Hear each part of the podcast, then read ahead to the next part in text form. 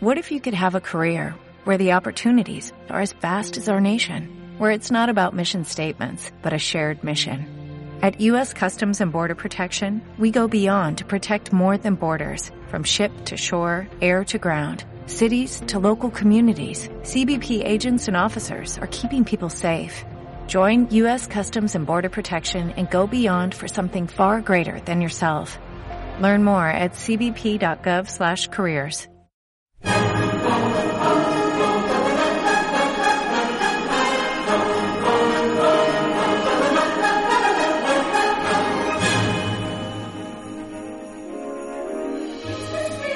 És temps de Nadal i això significa moltes coses, segons les creences, conviccions i situació personal de cadascú.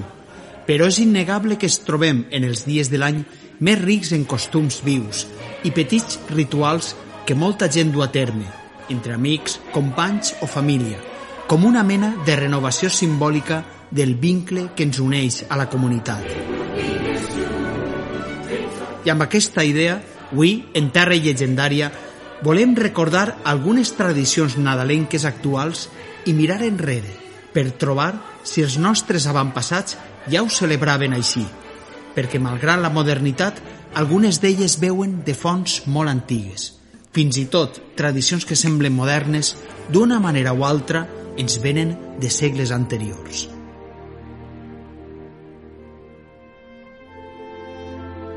El primer costum d'aquestes dates es sol fer setmanes abans del dia de Nadal. Es tracta del joc de l'amic invisible. És apreciat per uns i detestat per altres. Es fa entre amics, companys de feina o família. I la dinàmica bàsica tothom la coneix.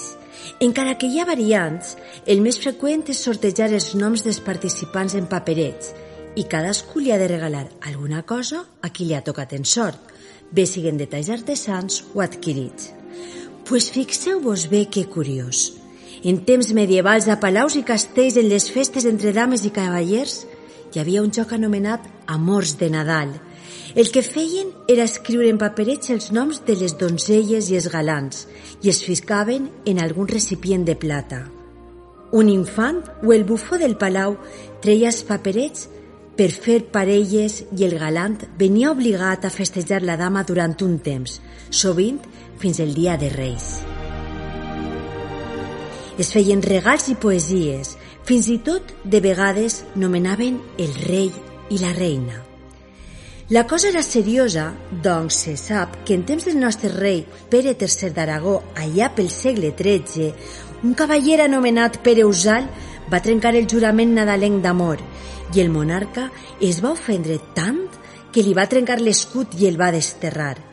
També, en temps de Martí l'Humà, un cavaller aragonès, va desafiar altre perquè en el jurament nadalenc va menysprear una donzella que la sort li havia destinat per a ser la seva dama de Nadal. L'actual joc de l'amic invisible és molt diferent, però respon a la mateixa necessitat – la de reforçar els llaços entre el grup que juga i mantenir viu el desig de relacionar-se i, en temps passat, fins i tot, exaltar l'amor cortès. Altre costum actual és fer obres de caritat, donacions a ONGs o altres col·lectius dedicats a assistir la gent més necessitada. També en temps passats, el Nadal era un temps per a la solidaritat hi havia un costum dit els 40 pans – era un almoino de 40 pans cuits per a l'ocasió i que es donaven a 40 pobres. Segons les possibilitats de cadascú, podien ser ben grans o el que ara diríem montaditos. Moltes famílies necessitades acumulaven tant de pa que els arribava per a totes les festes, fins i tot per al Dia dels Reis. També era freqüent fer rifes solidàries per a, exemple, crear fons i fer-li el dot a donzelles orfes. Es feia sempre abans de la nit de Nadal per a que la jove passara per fi un bon Nadal, contenta al saber que a la fi tindria un dot.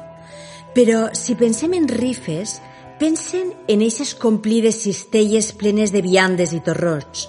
Doncs bé, ja als segles XVIII i XIX, sobretot a les ciutats, es feien rifes com les que acostumem a oferir-nos en Nadal, De vegades era un pollastre i molt sovint una taula de torrons i vins. Moltes es sortejaven als cafès de la ciutat on anava la gent després del sopar i abans d'acudir a la missa del gall. I què em dieu dels tradicionals crismes o les targetes de felicitació nadalenca?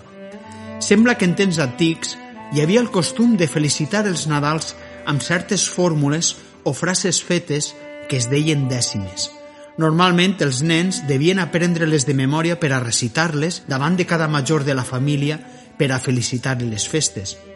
Va ser al segle XIX quan aquestes dècimes van començar a imprimir-se amb frases de felicitació i ahir se li van afegir litografies i gravats de motius nadalencs.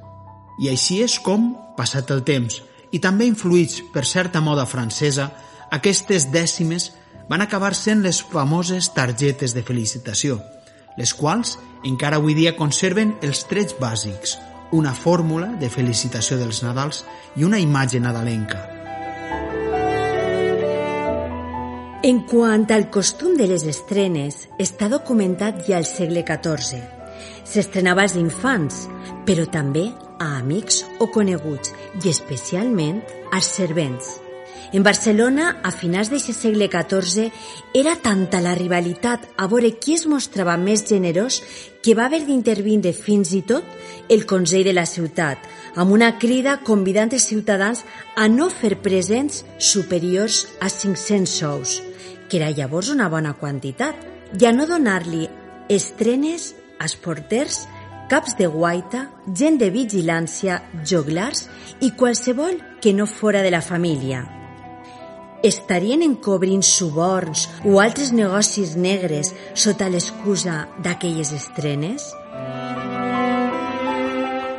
I per supost, tenim el costum de l'arguinaldo. L'esguinaldo, chorizo i altres noms del mateix costum d'anar per les cases cantant nadaletes i felicitant en Nadal a canvi d'alguna llepolia o fruits secs. Però a nosaltres ens resulta curiosa una cosa que ha quedat al costumari. A les cançonetes que canten els xiquets al vostre poble hi ha una advertència final? Per exemple, a Cosentaina, la cançó de l'Esguinaldo Sego acaba dient que si no es dona la llemosneta, el que canta es pisarà en l'entrada.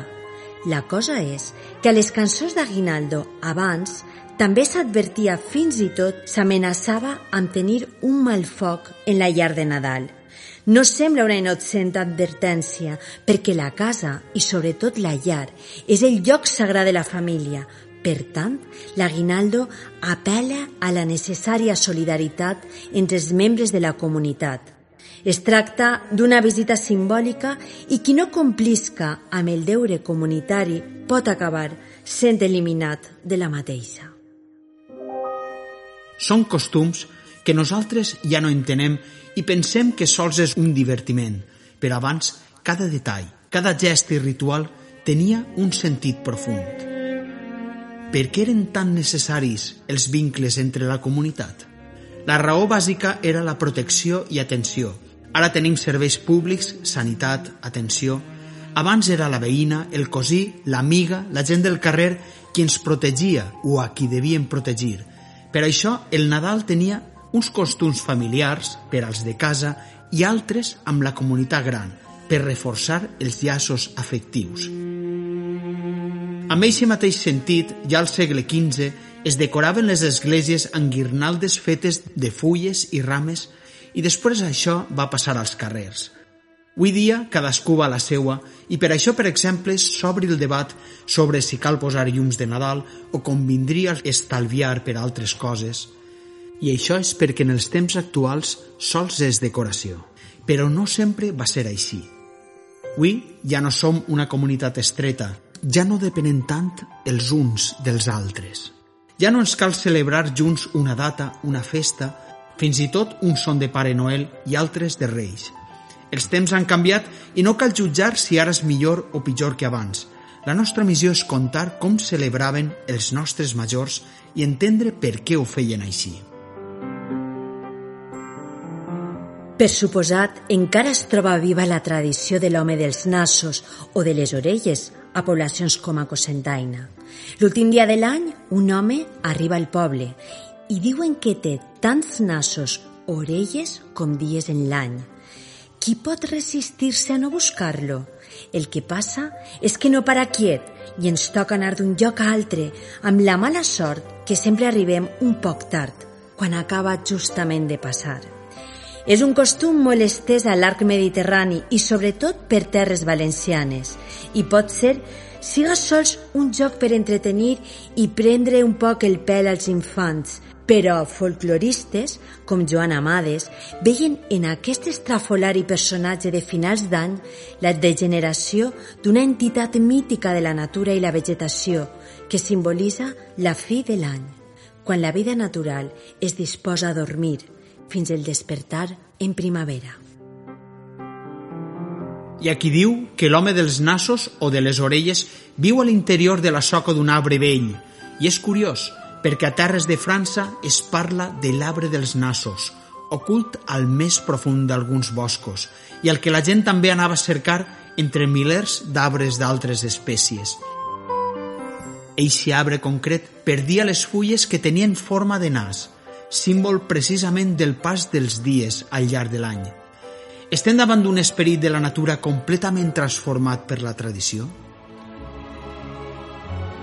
I no volem acomiadar-nos sense altra tradició dels propers dies. Es referim al roscó de Reis. Conta la llegenda que la Mare de Déu volia agrair els valuosos regals que li havien portat els tres Reis Mags al seu fillet i com eren pobres i estaven al portal, sols va poder arreplegar la pols que havia caigut de les ales dels àngels que havien anat al naixement i la va pastar amb tanta cura que va fer la primera coca de reis, ara transformada en roscó. El costum de menjar eixe dolç en família la diada de reis és molt antiga i ja, des de ben pronte, es posava una fava a l'interior – Avui dia, a qui li toca la fava ha de pagar el roscó, però abans, eixa persona era el rei o la reina i durant l'estona que durava la plec tots devien brindar per ell i aclamar-lo. Qui no feia era amonestat. De vegades se'l coronava i en acabar el festí era qui devia anar als oficis religiosos de reis en nom de tota la família. Eixe és el seu sentit original.